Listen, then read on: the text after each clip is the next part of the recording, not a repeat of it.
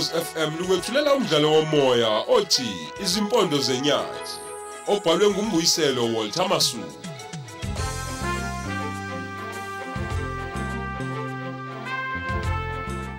Lesi eseshumnani.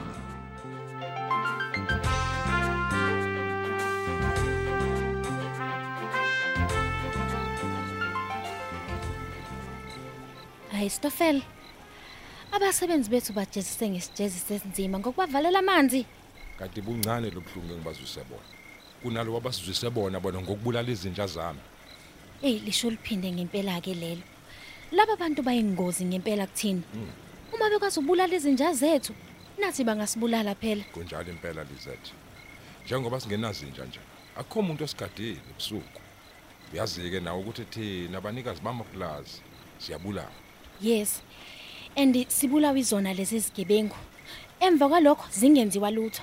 uyazi kusasa kufanele ngiyofuna izinja ezinolaka ngaphezulu kwalezi besinazo ngifuna ukuthola ama pitbulls amabili Ngiyakuvumela impela ke lapho. Siboneke ukuthi laba bantu ababul- ababulala uJean noTonic bazokwenza njani manje? uyazi mkama ama pitbulls awahleki awasisineki Hi. asuka nesicubu somuntu futhi nje ayabulala Ngiwazi kahle. Awane ndaba nokuthi ngumnikazi wawo. Uma ukhohlwa ukuziphakela nje lezi yazinja ngesikhathi esizijwayele, ziyaqasuka zikulume kwayiwena mnikazi wazo. kufanele siqaphele impela kwathina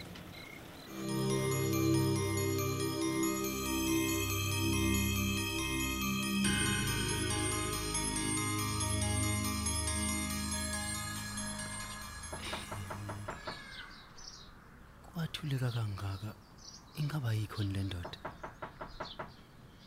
Mthembeni. Mthembeni. Ukhona noma ukho Ayi akukho umuntu phela la. Okusho ukuthi iyajola lapha ikho. Mhlawumbe le kanjangase njengomfazi kawashesha hamba mfoka mwelase wafika wedwa vele la eplazini uyayazi indlela yemsebenzini awu konje umgibelo namhlanje. Siyashesha nanokuphuma kuzofanele ngivele ngiyokha amanzi emfuleni nje mangiphuma asengiphelela amanzi. Ey kodwa lento engiyenziwe ufakazela izolo ebusuku ingicasulile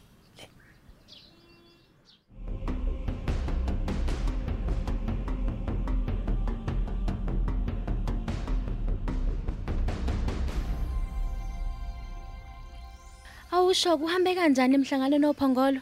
hey Lizette besihlangene lapha singabalimi bamaplazi nabenhlangano yethu Ngikulalela Stofel. bathi ngoJune kuzoba neimbizo yomnyango wezemhlaba uzoba seThekwini kuzobe kukhulunywa ngokubuyiselwa komhlaba kubantu abamnyama Oh njani ke lo mhla ubusela kubantu abamnyama? angithi bathi ngonyaka ka1913 uhulumeni owawuphethe wethu thina abantu abamhlophe waqhwaga abantu abamnyama umhlaba omningi 87% abantu abamnyama bona basala no13% womhlaba bampintshana kuwona Hi. Manje bazosiphuca yini lo mhlaba esinawo thina kumanje? basho khona lokho ukuthi sizonqeshezelwa thina ngaleyo mali bona ababona ukuthi kufanele basinike yona bese bethatha umhlaba bewunika abantu abamnyama Hayi ngiyakuzwa Stofel. Eh, kodwa inhlangano yethu ithe uhulumeni ophethe ufuna ukusheshisa phela ukubuyisela lo mhlaba kubantu kulonyaka nje ngoba kuhlangana ikhulu leminyaka lathathwa izwe kubantu abamnyama lithathwa ngempoqo Ngiyezwa Stofel. Yazi namanje ngisaphinda ngiyazibuza ukuthi uma ngabe kwenzeka besiphuca umhlaba bazokwazi yini ukulima? Ukhiqizele ukudla sikhiqiza njengoba senza nje thina lapha eplazini. we mameme ngathi behluleka nje mkami kulamaplaza abawathengela uhulumeni ethi bathengela bona abantu abamnyama kube hawabo bayehluleka kumanje angamafusi awasalinywa emshini yokulima seyathomba yagqwala rusted angeke nje sasebenza Hayi uyabona ke? Angeke abantu abamnyama bakwazi uk- ukuphatha amaplazi. Lokhu uhulumeni akwenzayo uzobulalisa abantu ngendlala. ngoba ukudla kuke bengasekho ngaleso sikhathi emaplazini Ah kodwa ke bona phela ababoni kanjalo mngami. Bafuna ukuwathatha ke wonke lamaplazi ethu nalomhlaba esiwulimayo. manje ke nitheni ke nina nibani abanikazi bamaplazi Ah sithe umlimo ophoqwayo kuba adedela umhlaba ngenkani. Udaba kalibika enkantolo. Sekuthi ke inhlangano yethu nabameli bethu thina njengabalimi. Eh bona bazobe sebeyophikisa ke enkantolo. hayi okusengcono ke lapha eSouth Africa ukuthi akekho umuntu ongaphezulu komthetho Yeah, yeah. ngiyayethemba inkantolo ukuthi iyona kuphela engasivikela kuloko akunjalo mngami. O- okumnandi kakhulu nje ukuthi abashushesi izimanje namajaji iningi labo isizwe sakithi thina simhlophe yazi noma bangawuphatha uhulumeni kodwa umthetho uphethwe yithina. Ya. Nomnotho futhi walelizwe uphethwe yithina kanye namandiya. Hayi bawuphethe nabo kodwa lizethi angithi amathenda awabo bawanikana bodwa namandiya. Thina abamhlophe asitholi lutho. Bathi sahlomla kakhulu ngesikhathi sisaphethe izwe we hayibo laba babuye baxabane bebodwa sebe bangamathenda babulalane. Hayi. Hayi. Ngesikhathi ngiza ngalomgwaqo ngapha oza lapha eplazini e- endleleni ngibona umuntu engingamtholi kahle ukuthi uyapha ebusuku lapha eplazini lami. Yaza ngibange ngisabuza. Dedela isibhamu sami ngamnemba ikhanda. Uthe angawa eselele ngadlula angangama. Kungabi umsebenzi walapha eplazini njengakuqala wena Stoffel? Umsebenzi waseplazini? Ingabe ubeqhamuka lapha ebusuku? Nami ngike ngaphuma ngemoto ntambama ngiye coronation sengibuya ngihamba ngeenyawo umgaqoza lapha eplazini. Ngihlangane nabasebenzi bethi abaningi bephethe amabhakede nezigubhu zamanzi beyokha amanzi lapha emfuleni. Bayalunga bayalunga. Bona balethe kimi umuntu obulala izinja zami. Mina ngizobavulela amanzi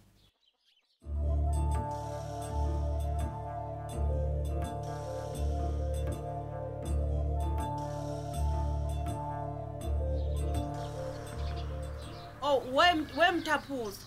Awumthaphuza angimele bo. kodwa lo muntu ongimemezayo ekseni kusa nje angiyithandi kabi nalento yokumenyezwa ngathi ngingane ngimdala kabi mangingaka Awuxole ndodana. Ubambezele ukuseni uphuthuma. oh eh ye yebo ma Ndodana sinenkinga lapha ekhaya. Ngomntana umgezeni. ayi ma wenzeni umgezeni Umgezeni uhamba izolo mntanami ukhamande emtafuleni lapha umfula uthalo he Eh njengoba manje umlungu wavalile mntanami. yebo ma ngilalele Sesalala engabuyi.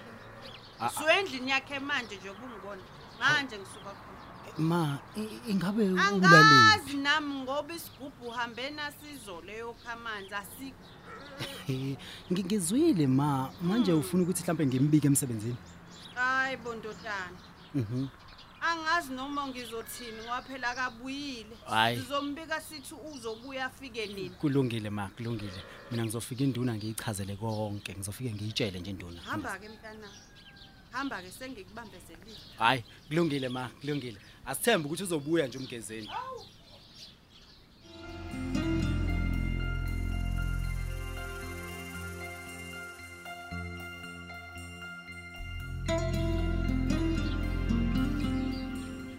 uxolo baba Hawu, yini manje mthaphuzo? oh kade ngikhuluma nomama lo wakangqongo umama kamgezeni Aha.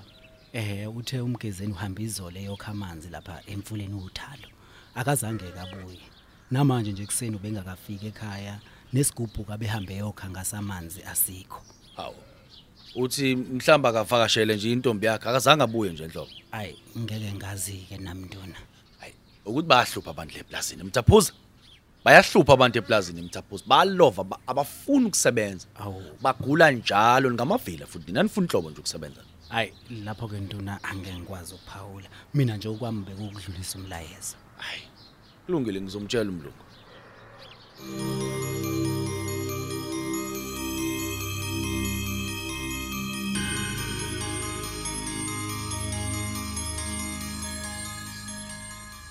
uthi ake jwayele ukulova ungqongo Impela kunjalo mnumzane.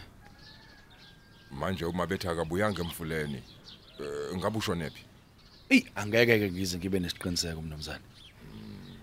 ngidubula izolo ebusuku ngibuye emhlanganweni ngaba kuyena yini Eh, kulungile eli Ngizwile hamba uye emsebenzini. A- Ake ngithathe imoto, ke ngiyobheka lo yamuntu engimdubuliza lebusuku. Uthi akuyena yini umfana kaNgqongo. Osiyami.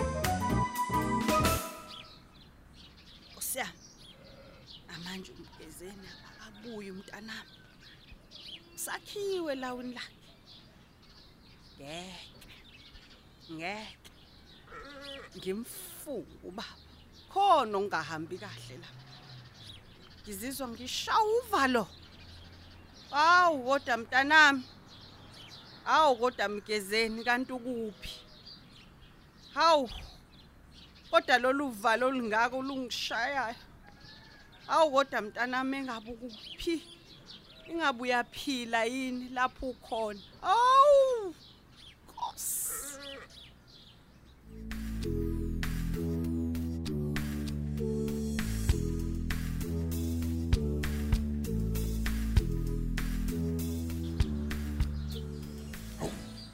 Ngiyamazi lo muntu.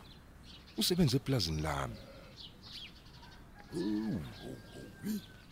Uh, Indodana kaNgqongo lena. Asingiyibona kahle. Ubaba wayo usebenza eplazini lami. Isigubhu samanzi lesi esiseduzane kwakhe. Mm, Udubuleke ekhanda. Awubulawe yini impela. Sheslek. Angena futhi enkingeni.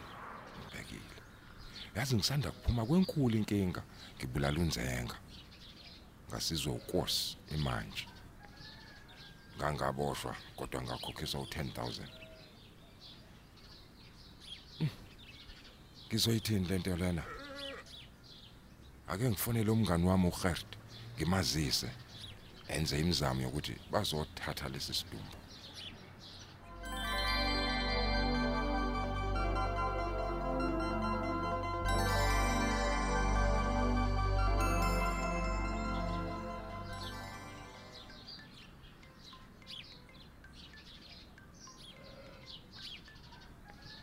Hallo,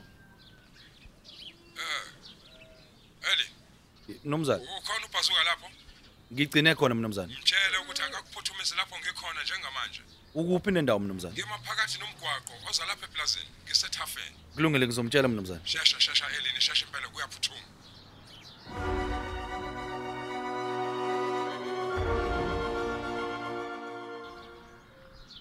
Sesifikile mnumzane. Nibizwa yimina madoda.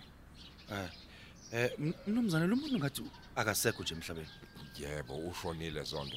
Indodana kaNgqongo lo bungitshela ngayo ukuthi ayikho emsebenzini. Hawu.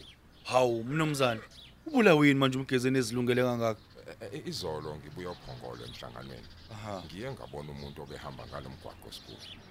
Ngase ngicabanga ukuthi isigebenga. Washo isibhamu sami, Hawu. ngamshaya ikhanda. Hawu, hawu, hawu. Utheya ngawa ngedlula. Hawu. Mnumzane. Njengoba ungitshela ukuthi akabonakala ekhaya. Ngiye ngacabanga ukuthi nguye lo muntu engimdubule ngephutha. Hawu, hawu, hawu, hawu. Kodwa mnumzane, E, Lesikhubu samanzi esiseduze kwakhe e- esakhe. hey, uyacaca kona mnumzane ukuthi esakhe lesigubhu. Ngoba phela umthaphuzo uthe uma wakho beyihambe yokha amanzi emfuleni izolo kodwa akabange sabuya. ngeke zibhaya iyame erozondo ngixolisa kakhulu ngalento bengithi phela mina yisebe leli lizokweba eplazini layo Ayiwo, ngeke kodwa mnumzane wami. ngiyaxolisa Hey uyabona ngicabanga ukuthi uthatha izinto ngamawala la mnumzane. Lo mfana lo yimvu yenkosi. Uyahlonipha futhi uyazimisela nangomsebenzi. yazi namaphoyisa sengwabikele lapha azofika nje nemoto yasemotuary Hey bengicela ukuthi mnumzane mina nobhazuka ke siyohamba siyolanda uma wakhe ukuze azobona phela is- i- isidumbu sendodana yakhe. hayi kulungile zonto Yebo mnumzane. hambani niyomlanda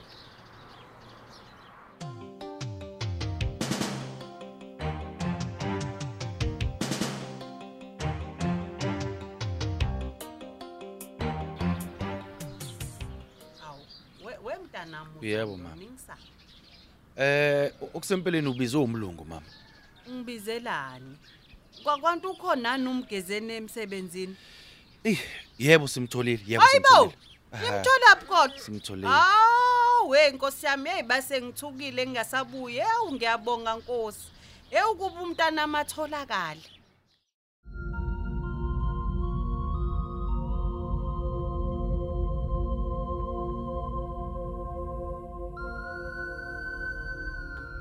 Sasesimo ophalweni kanti kanti kwenzakalani hayibo hayibo ngiyalingwa nkosi hayibo kuba umgezeni lona nje Ew mama. Ew, awu Nkosi yami. Si- Simtholelele lapha phansi. Awu simakade umgezeni wami. Awu kodwa Nkosi ngenzeni. Awu kodwa Nkosi yami. Ew, Nkosi yami. Awu ye- ye- yehl- yehlisa umoya phela mama. Ey, o- osokwenzakile ku- kufana nokudaliwe. impela eh. Ubani obulala ingane yami? Ibulale ngoba yenzeni? cha bengithi isigebengu nje sizokwebe eplazini lami I- idubuleke ngephutha mama ebusuku izolo Ayibo. ngikholisa kakhulu ke siphaya phaya Awu. Kodwa ungakwenza kanjani ukuthi ubulale ingane yami uthi isigebengu? Ungakwenza kanjani Awu, awu, mnumzane awu, ukubulala Xolisa. ingane yami? Uthi isigebengu yokha amanzi emfuleni. Awu madoda. Awu mama. Si- Sicela wehlisa umoya. U- Umnomzane bambulalela izinja zakhe lapha eplazini izolo ebusuku. Hayi umngane Eh, ungena. ngeke ke azazazi ukuthi njoba beyibulela izinja nje eh izona igibenga impela ke bezifuna ukuthi sithole indlela yokungena eplazini phela kungasekho lutho eselimgadile